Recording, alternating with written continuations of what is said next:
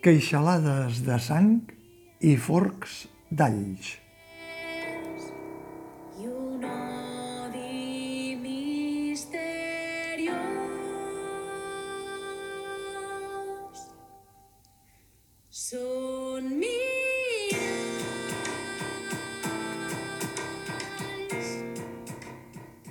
L'adaptació de la novel·la Les històries naturals,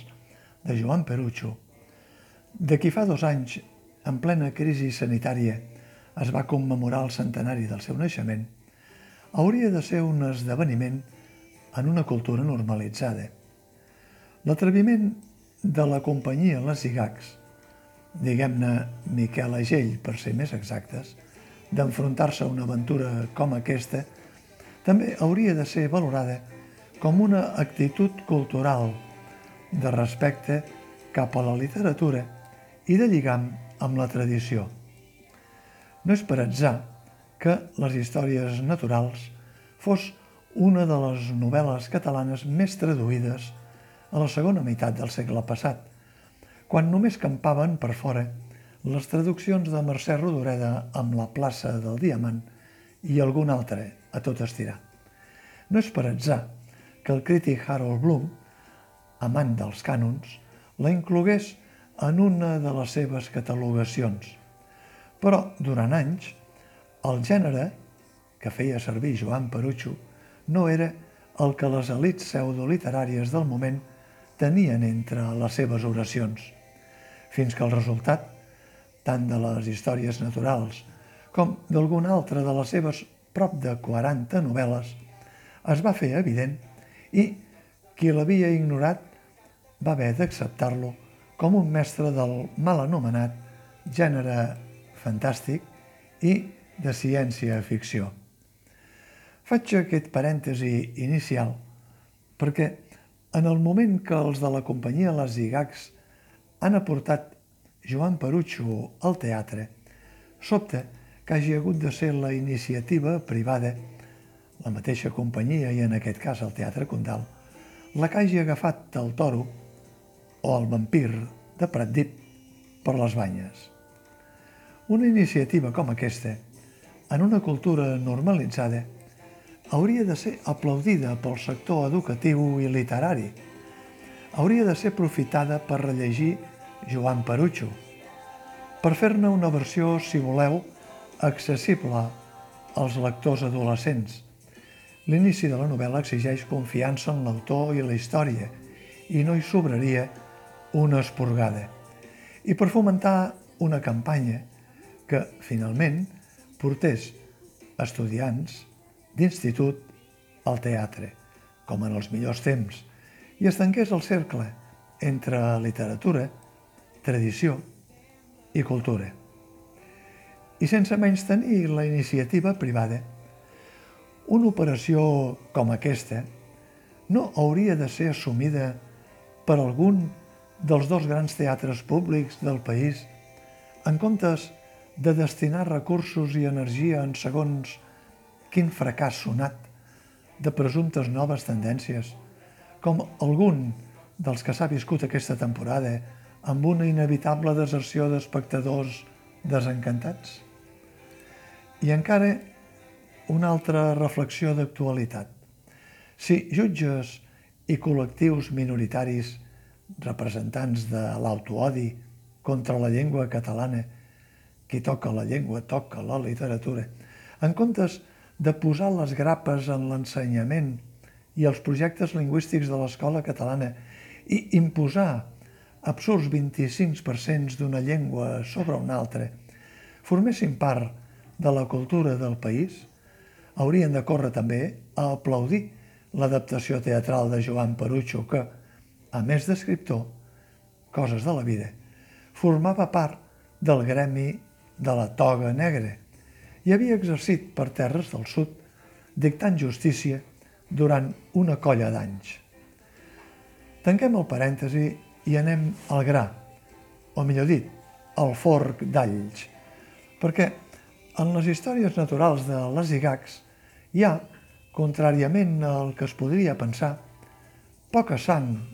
malgrat les queixalades. La imaginació en teatre fa miracles. I alguns forcs d'alls, per ser respectuosos amb la llegenda del gènere i els tòpics, atribuïts a altres dips universals. Per als que hagin llegit o passat els ulls per les històries naturals de Joan Perucho, diguem que l'escriptor es va empescar el personatge d'un botànic de finals del segle XIX. L'acció transcorre al voltant del 1840. Antoni de Montpalau, que des de Barcelona, quan sap de les atrocitats d'un presumpte vampir, viatja fins a la població de Pratdip, a les serres del Baix Camp, per posar a la pràctica la seva teoria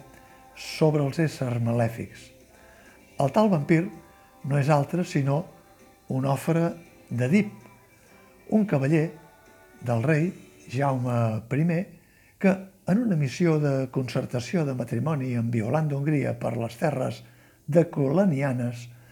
va ser captat i convertit en dip malèfic. Antoni de Montpalau és un naturalista, un il·lustrat, un liberal, un científic que considera que tot ho domina la raó, tret del que la raó no pot dominar. I ell mateix en té una mostra. L'àurea picuda, una espècie inclassificable, sense cap exemplar per estudiar i amb un cant misteriós que l'oïda humana no pot copsar. Joan Perucho barreja el fons naturalista amb un moment històric de les guerres entre carlins, absolutistes partidaris de Carles de Borbó, i liberals, partidaris d'Isabel II i amb aires més progressistes. I aquí és on apareix el personatge històric del tigre del maestrat, el general Cabrera, que, més baldat que un pregadeu atacat per un gat, fa cap a Pratdip per arrasar el poble sense que ni ell sàpiga per què ha triat Pratdip i no s'ha abraonat sobre Reus, la capital més poblada de la comarca, fins que admet que li va encomanar algú en un somni. Hi ha queixalades a la jugular que fan veure les estrelles. A l'aventura de les Igacs sobre el món de Perucho no hi falta un toc romàntic, la lluita entre el bé i el mal, els capgiraments que es poden fer quan mana el pacte i s'uneixen les forces, la reconversió de l'enemic en l'aliat i tots els elements imprescindibles perquè, com deia abans, el muntatge, malgrat que és per a tots els públics, encaixi de ple en els interessos dels adolescents. Tots aquests propòsits serien un núvol de fum si el resultat no complís amb les expectatives i les compleix. Des d'un guió de Sílvia Navarro que fa una tria i es queda amb els elements més importants de la trama de la novel·la fins a les lletres que són molt narratives de Miquel Legell, l'aportació dialectal que reflecteix el parlar de la frontera entre oriental i occidental amb influència del valencià de Morella. L'assessorament és del lingüista Pere Navarro i, per descomptat, la composició musical de Marc Sambola, que passa per tots els estils, des de la balada, el coral i fins i tot el rap, quan el malèfic Dip li toca fer l'últim badall. Escenogràficament, un carruatge, un catre, la il·luminació i el so creen l'ambientació de finals de segle XIX. Unes projeccions s'encarreguen d'afegir allò que el teatre en viu no permet. Amb tres músics en directe, l'espectacle té la virtut de convertir-se en un musical que entra sobretot per la música i per la lletra, amb una interpretació que no decep, des de Xavier Duc a Anna Herèvia, o la veterana Esther Bartomeu, que és l'actriu que fa més doblet i triplets amb diferents personatges, la metgessa de Cabrera, del general, la mare abadessa, la senyora de Pratdip, la imatge de la seducció que va xuclar un òfer a Hongria. Les històries naturals és d'aquells musicals que, sense comptar amb els grans recursos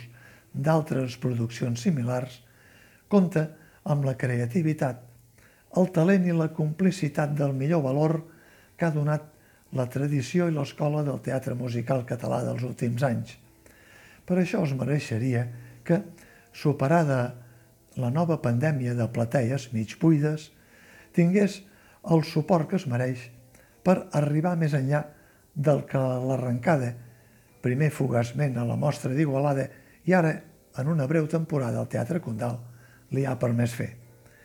Les històries naturals de la companyia Les Igacs reivindiquen la fantasia com a gènere i ho fan en una peça final del muntatge, Miralls, en un homenatge a tots els creadors de diferents cultures i etapes literàries que han portat els lectors de moltes generacions fins a mons desconeguts.